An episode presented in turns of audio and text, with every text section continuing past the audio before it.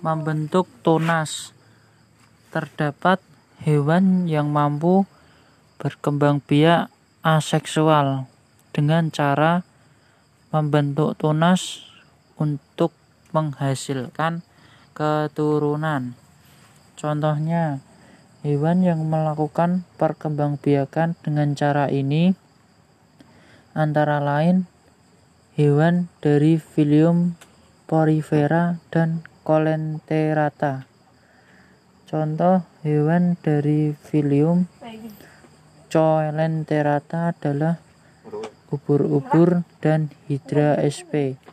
Hewan dari filum Colenterata yang dapat membentuk tunas, misalnya Hydra sp dan ubur-ubur dari jenis Ephila sp dan Aurelia sp.